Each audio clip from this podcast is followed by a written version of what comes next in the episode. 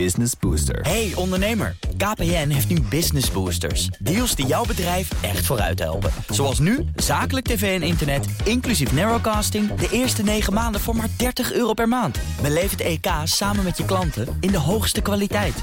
Kijk op kpn.com slash businessbooster. Business Booster. Cryptocast wordt mede mogelijk gemaakt door Bitfavo, de crypto-exchange van Nederland.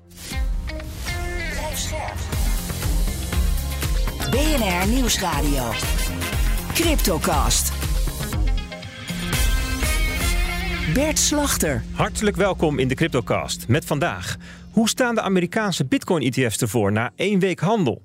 En Venezuela stopt met zijn eigen digitale munt. De Petro werd vol enthousiasme aangekondigd, maar kwam nooit van de grond. Dit is Cryptocast nummer 308 met een half uur crypto-nieuws hier op de radio bij BNR. En daarna gaan we door als podcast over de prehistorie van Bitcoin. Mijn co-host vandaag is Daniel Mol, redacteur bij de Cryptocast en BNR Digitaal. Goedemiddag Bert, hallo. Goedemiddag. Wij geven geen beleggingsadvies. Vorm je eigen mening, maak je eigen keuzes en geef ons niet de schuld. Crypto kan lucratief zijn, maar is ook riskant. We gaan het hebben over het nieuws. Op 10 januari namelijk keurde de Amerikaanse beurswaakhond SEC 10 ETF's goed. Waaronder eentje van BlackRock en eentje van Fidelity.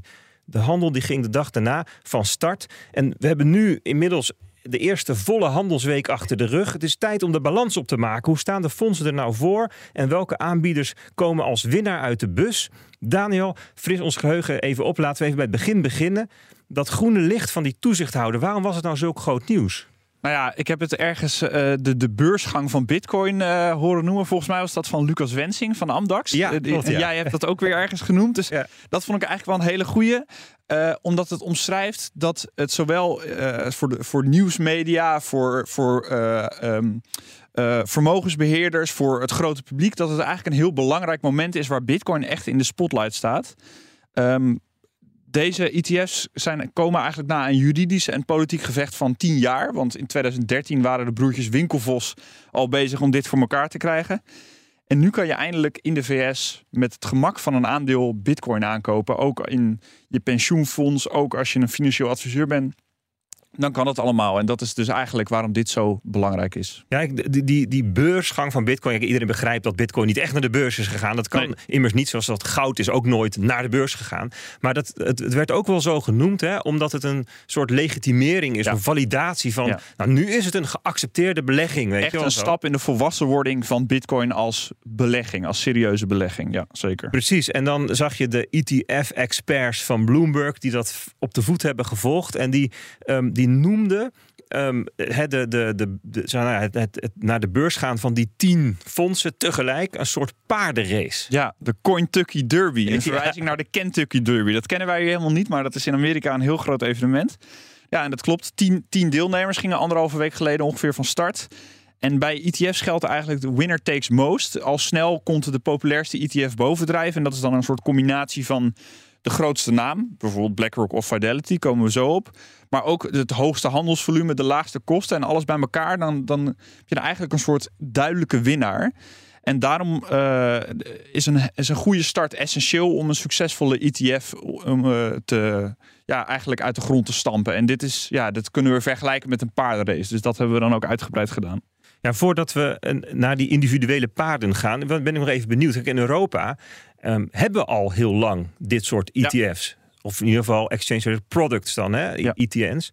Hoe, um, hoe, hoe, zit dat dan? Um, kunnen we die Amerikaanse nou straks hier ook kopen? Wordt dat een soort concurrentie? Nee, jammer genoeg niet. Uh, die Amerikaanse ETF's zijn een stuk goedkoper dan wat we hier in Europa hebben. En dat, dat heeft ermee te maken, onze regelgeving is een stukje complexer dan uh, in de VS. Dat heeft allerlei redenen.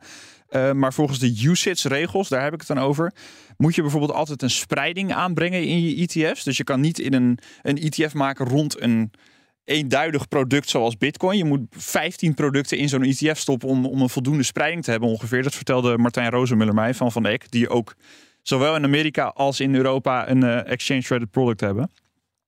Er zijn dus inderdaad wel uh, van dit soort soortgelijke producten. De exchange traded notes van Van Eck, die zijn een stukje duurder, maar dat is eigenlijk hetzelfde idee. Ja.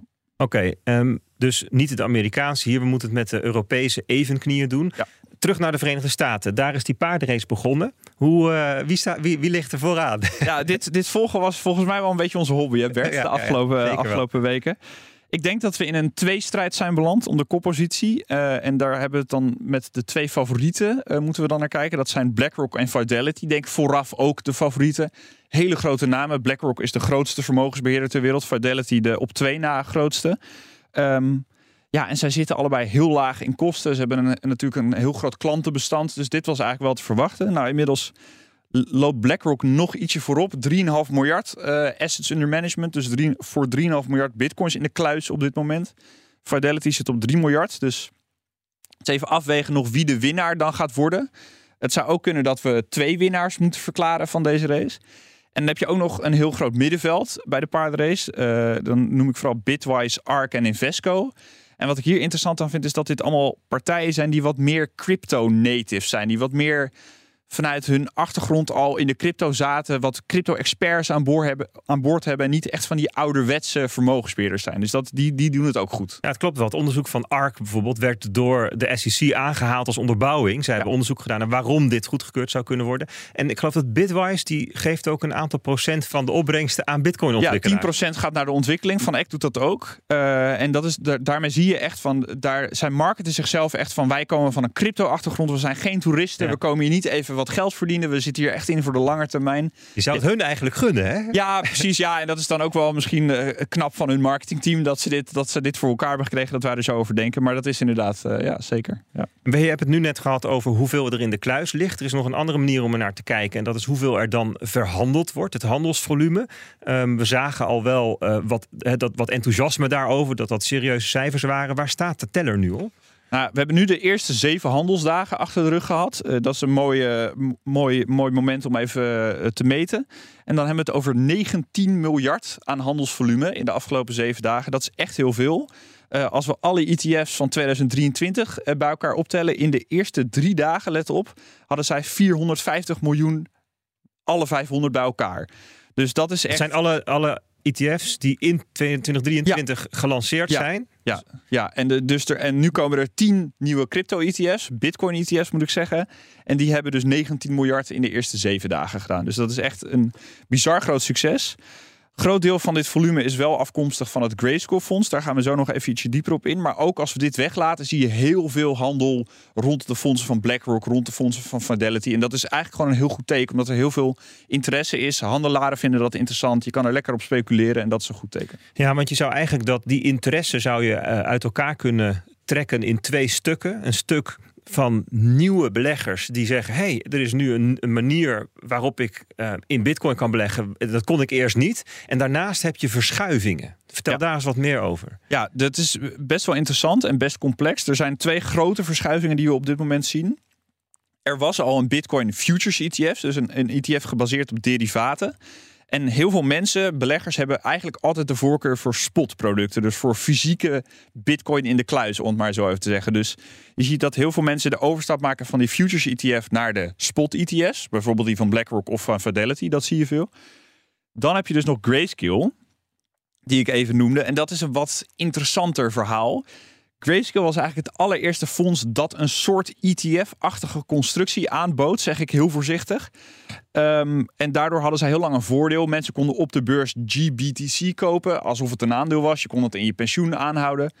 Hartstikke handig, maar wel inefficiënt. Ja, dat was een soort Hotel California, hè? Ja, ja je, kon er, je kon inchecken, maar uitgaan, uh, Dat niet weggaan, dat kon niet. Uh, je had, de, de- daardoor ontstond er uiteindelijk dus een flinke korting op het, op het verkopen van je GBTC. Dus het was eigenlijk heel onaantrekkelijk om die aandelen überhaupt nog van de hand te doen.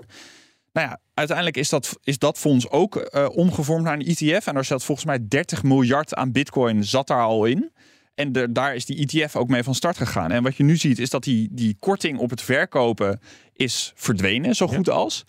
Maar heel veel mensen doen dat dus ook. Die Ehm, gaan weg nu. ja, eh, de zijn hartstikke hoge kosten verbonden aan het vasthouden van die grayscale bitcoin. Even ter vergelijking, zij zit op 150 basispunten per jaar. Is anderhalf procent, hè? Anderhalf procent. BlackRock zit bijvoorbeeld op 20 basispunten voor het eerste jaar en later dan 30. Dat is echt een heel groot verschil. Dus mensen kiezen er nu voor beleggers of om of Bitcoin überhaupt van de hand te doen, of uh, gewoon de overstap te maken naar het veel goedkopere, veel goedkopere BlackRock of het veel goedkopere Fidelity, om maar eens te noemen. Ja, dus je zou wel kunnen verwachten dat er hier in die eerste, nou ja, zeven dagen, maar laten we zeggen de eerste weken, heel veel van dit soort verschuivingen plaatsvinden die een eenmalig karakter hebben. Ja. En dat eigenlijk pas daarna zichtbaar wordt wat de echte organische vraag op lange termijn is. Ja, nee, we, we, zitten echt nog in de, in, de, uh, in de begindagen van die ETF's en we kunnen dus ook nog niet een hele duidelijke conclusie trekken, los van we kunnen zeggen, oké, er is veel interesse. Het is een belangrijke lancering geweest. Van die, die beursgang van Bitcoin is belangrijk. Maar echte conclusies kunnen we nog niet trekken. En een van die dingen die dan leuk is om, om even aan te stippen. Ehm, FTX, de gevallen cryptobeurs van Sam Bankman-Fried, die natuurlijk vol spektakel failliet is gegaan. Um, die had bijvoorbeeld 22 miljoen aandelen GBTC in kluis. Goed voor ongeveer 1 miljard dollar. Ja. Ja, die zitten in een faillissementsafwikkeling. Dat moet verkocht worden. Er is niet een keuze om nog even te wachten.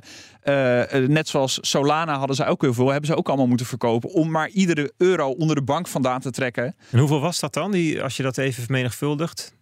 Um, komt, kom je op een miljard Ja, uit. ongeveer een miljard aan, aan, aan GBTC-aandelen. Um, en, en, wat wel dus duidelijk is, inmiddels is dat allemaal verkocht. Dus die verkoopdruk van GBTC is uit de markt. Dus ja, inderdaad, wat voorbeeld van zo'n eenmalig ja, ding. Ja. We moeten echt nog even wachten tot deze storm is gaan liggen. Tot alle ja, verkopers van, van Grayscale uh, in ieder geval een beetje uit de markt zijn. En ja, dat heeft... Het heeft wel allemaal een effect op de prijs. Dat is, dat is interessant, want inmiddels staan we op 39.000 dollar. Vorige week waren we al iets teruggezakt, nu nog ietsje verder. Hoe zit het, Bert? Ja, nou ja, um, rond de lancering was de koers gemiddeld zo'n beetje 47.000 dollar. Hè, die, die twee, drie dagen. Um, en dan zijn we dus nu inderdaad al 17% gedaald naar 39.000 dollar. En ik moet zeggen, de stemming onder cryptobeleggers is somber. Gewoon heel somber, beetje grimmig zelfs. En dat komt deels doordat er mensen waren die hadden gouden bergen verwacht. Van nou, nu komt er een muur van geld op ons af. Dat was natuurlijk al niet zo heel realistisch.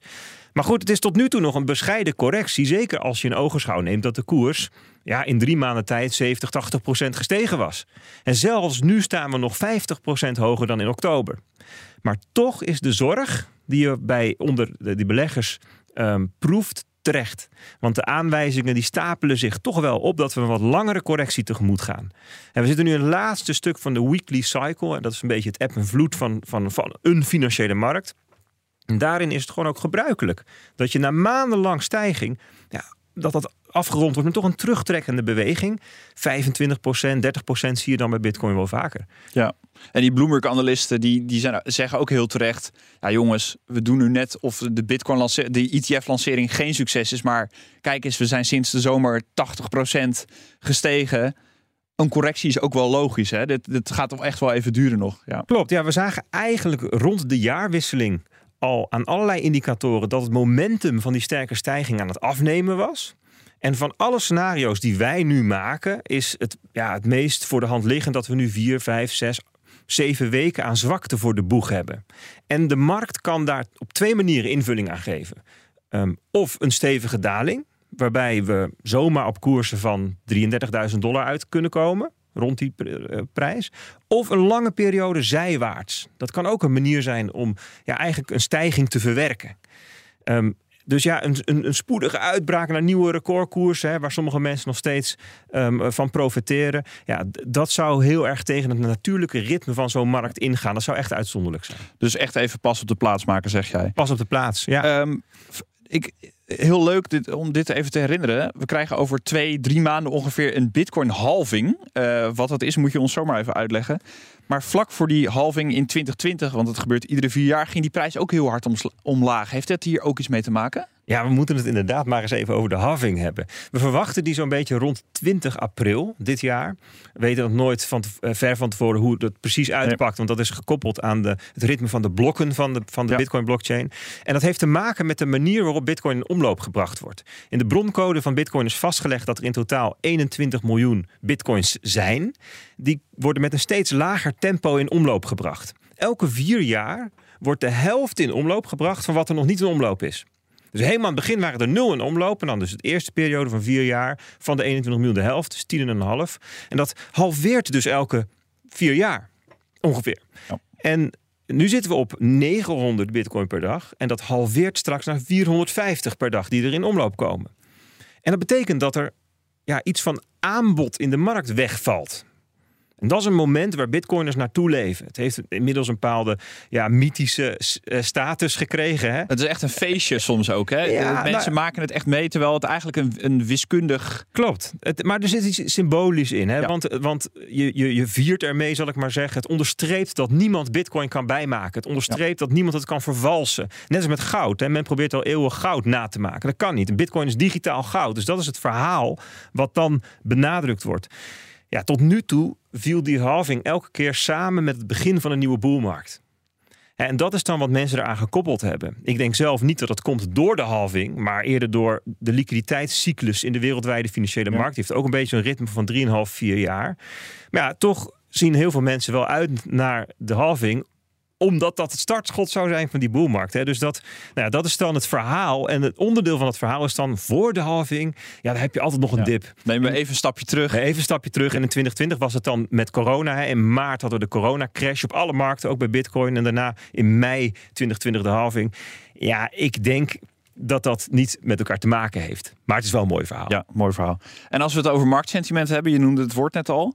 S&P 500, de Amerikaanse, belangrijkste Amerikaanse beursindex, die staat gewoon op nieuwe all-time highs. Wat zegt dat over de rest van de economie? Nieuwe, nieuwe records worden neergezet. Ja, dat, wat, wat het eigenlijk zegt is dat de markt die gelooft in een soft landing. En dat, is, dat betekent dat de Amerikaanse centrale bank de inflatie onder controle krijgt zonder de economie in een recessie te brengen. Dat is een soft landing, een zachte landing. En het is helemaal niet makkelijk om zo'n zachte landing voor elkaar te krijgen. Dat vereist dat je op het juiste moment je voet van de rem haalt. Of wat gas bijgeeft. en dat kan op twee manieren. Of doordat de overheid de economie gaat stimuleren. Of doordat de centrale bank de rente gaat verlagen. Of beide. en um, dat, is, dat is helemaal niet makkelijk om dat goed te coördineren. Om dat precies op het goede moment te doen. En er zijn ook best wel wat hobbels voor de boeg dit jaar. Uh, maar ik denk dat de Amerikaanse overheid en de centrale bank daar er ontzettend veel voor over hebben om ja, in dit verkiezingsjaar dat voor elkaar te krijgen. En ze willen, ze willen het zo graag dat ze zelfs het risico voor lief nemen dat ze te veel stimuleren. Ja. ja, dat zou als gevolg hebben dat de inflatie in 2025 of 2026 weer gaat stijgen. Maar ja, dat zien we dan Wie wel. dan leeft, dan zorgt. Dus na de verkiezingen immers. dus eh, weet je, dat plaatje, dat zou voor financiële markten wind in de rug kunnen zijn dit jaar voor, voor aandelen, obligaties. En dan daalt de rente, stijgt de waarde van de obligatie. Voor goud, voor bitcoin. Um, ja, dus dat, dat, is, dat is eigenlijk wat nu de markt drijft. Dit idee, dit plaatje. En de komende twee maanden zal daar heel veel meer duidelijk van worden. We krijgen nog heel veel macro-economische cijfers. 20 maart is een belangrijke datum. Dat is namelijk de eerste rentebeslissing van de Amerikaanse centrale bank, waar de markt nu een renteverlaging verwacht. Gaan we kijken of die ook gaat komen. En dus dat moeten we in de gaten houden om een beetje een beeld te krijgen van hoe het met die rugwind dit jaar verder gaat zitten. Spannende tijd. Spannende tijd. Ja, we gaan uh, terug naar het nieuws, uh, Daniel. We gaan naar Venezuela. Ja, dat doe je ook niet voor je plezier, maar inderdaad. nee, nou ja, het is, misschien is het een mooi land. Zij, zij zijn gestopt met een digitale munt, uh, de Petro. De Petro, ja. ja die, die, die werd in 2018 gelanceerd. Vol enthousiasme. En het was toen nog een soort voorloper. Maar uh, echt van de grond kwam het niet. Nee, nee het was een, ja, inderdaad eigenlijk een, een soort CBDC, digitaal centrale bankgeld, voor we daar echt massaal met z'n allen op sprongen. Um, ja, het, het, kwam eigenlijk in een tijd dat het met Venezuela niet goed ging. Nog steeds gaat het niet goed. Uh, de Bolivar, hun, hun, nationale munt, die leed toen al een hyperinflatie. Je moet maar eens op Wikipedia opzoeken. Daar staat heel erg uitgebreid beschreven hoe dat allemaal is gegaan. En dat het, ja, waar je vroeger dat voor honderden Bolivars 1 dollar kon kopen, was, is dat nu voor miljoenen. Dus dat is echt tragisch. Um, ja, de Petro moest daar een antwoord op worden. Uh, die zou gekoppeld worden aan de belangrijkste grondstoffen van het land: olie, gas, goud, diamanten. Daar hebben ze er veel van, hè? Daar hebben ze er veel van. Uh, om zo die munt waardevaster te maken dan de, de papieren bolivar, zou ik maar zeggen.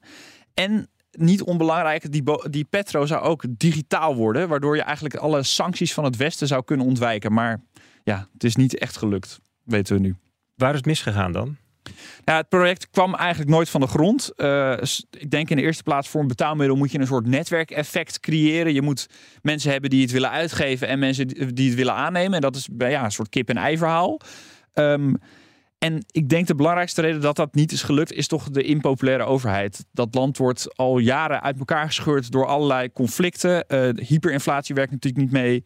Uh, president Maduro is eigenlijk gewoon een dictator, dat kunnen we denk ik wel zeggen. Uh, en die Petro was dus echt een overheidsproject. Dus ja, waarom zou je daar dan in willen stappen? En Tegelijkertijd waren er ook nog heel veel technische problemen. Het is wel handig als een digitaal betaalmiddel gewoon goed werkt. En dat deed de Petro dus niet.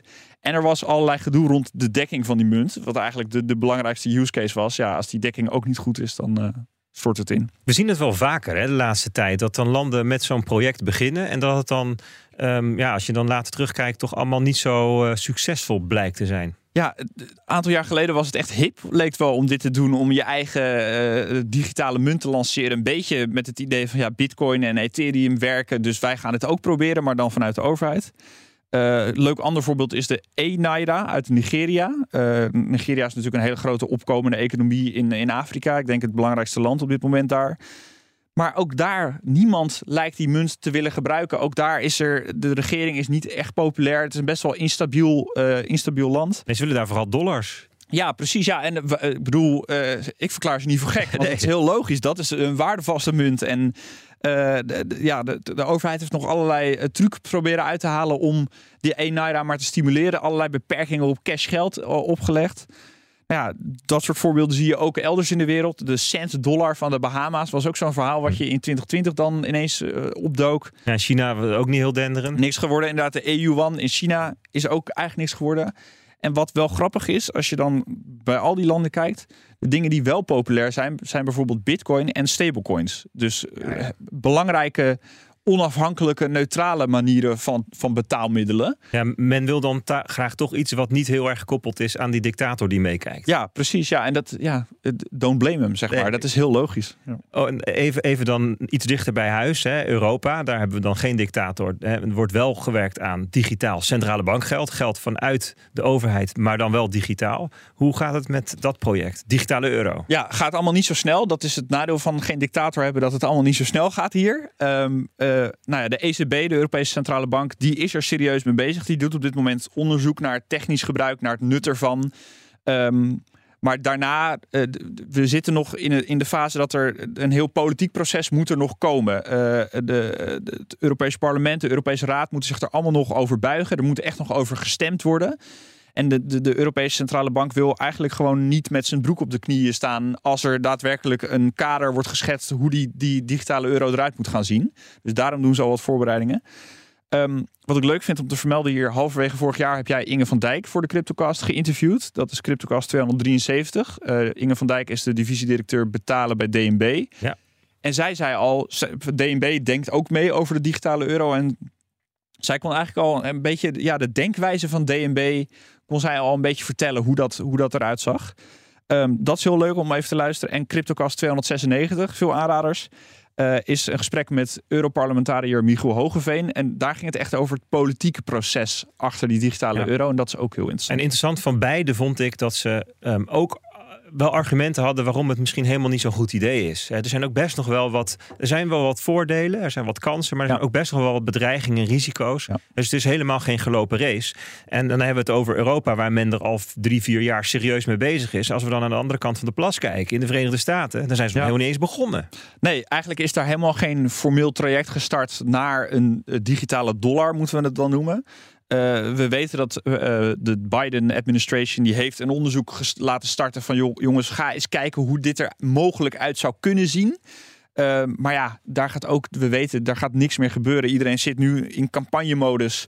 de primaries, de voorverkiezingen zijn begonnen. Ja, en als in november de Republikeinen winnen, waarschijnlijk onder leiding van Trump, ja, dan weten we eigenlijk nu al dat die de digitale dollar er niet gaat komen. Wat wel mogelijk een alternatief zou kunnen zijn, een interessant alternatief, is stablecoins. Bijvoorbeeld een Tether. Een crypto-dollar. Een crypto-dollar. 94 miljard marktkapitalisatie, is niet klein. USDC, 25 miljard. De belangrijkste concurrent gaat ook naar de beurs waarschijnlijk. Dus dat zou nog wel eens iets zijn om in de gaten te houden. Bijzonder interessant. We gaan het even hebben over de podcast waar we zo meteen naartoe gaan. Um, ehm, de gast is Aaron van Wirdum. Hij heeft een boek geschreven over de prehistorie van Bitcoin super interessant. Uh, hij heeft eigenlijk de, de, onderzoek gedaan naar de, de, de ja, bijna 60 jaar geschiedenis die vooraf gingen aan Bitcoin. En wat ik zo leuk vond aan dit boek, wat me het meest is bijgebleven tijdens het lezen, want ik heb dit boek in één weekend verslonden, daadwerkelijk, is dat kijk, heel veel mensen zeggen ja, Bitcoin is de eerste en daardoor zullen er wel heel veel fouten in zitten. En uh, ja, oké, je kan beter in Cardano stappen, want dat is veel nieuwer en wetenschappelijk heel slim in elkaar gezet. Dat klopt dus eigenlijk niet. Bitcoin is het gevolg van jaren en jaren, echt tientallen jaren aan onderzoek, aan geklooi, zou ik maar bijna willen zeggen, aan projectjes die dan mislukten om een of andere reden. Uh, experimenten met cryptografie, experimenten met, met economisch beleid van zo'n digitale munt. En daaruit voort is uiteindelijk Bitcoin gekomen, de eerste munt die daadwerkelijk succesvol werd. Dus dat is een heel belangrijk inzicht als je dit boek leest. Bitcoin kwam niet uit de lucht vallen. Absoluut. Luister die podcast. Um, tot zover de CryptoCast op de radio. Dankjewel Daniel. Wie meegaat naar de podcast graag, zo niet ook goed. En dan horen we volgende week weer um, bij de CryptoCast op BNR. CryptoCast wordt mede mogelijk gemaakt door Bitfavo, de crypto-exchange van Nederland. Hardlopen, dat is goed voor je. En Nationale Nederlanden helpt je daar graag bij. Bijvoorbeeld met onze digitale NN Running Coach... die antwoord geeft op al je hardloopvragen. Dus, kom ook in beweging. Onze support heb je. Kijk op nn.nl slash hardlopen.